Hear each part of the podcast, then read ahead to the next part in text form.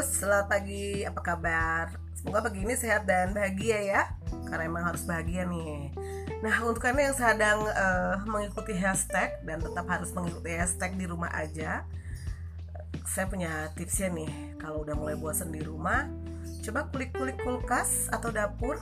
Siapa tahu Anda menemukan uh, beberapa bahan bikin roti kering gitu ya. Jadi suami dan anak-anak yang di rumah juga bisa merelakan ya perutnya sedikit buncit. Sedikit bertambah isinya dengan masakan olahan anda yang mungkin ke mana-mana gitu ya. Itu salah satu tipsnya anda lebih bahagia.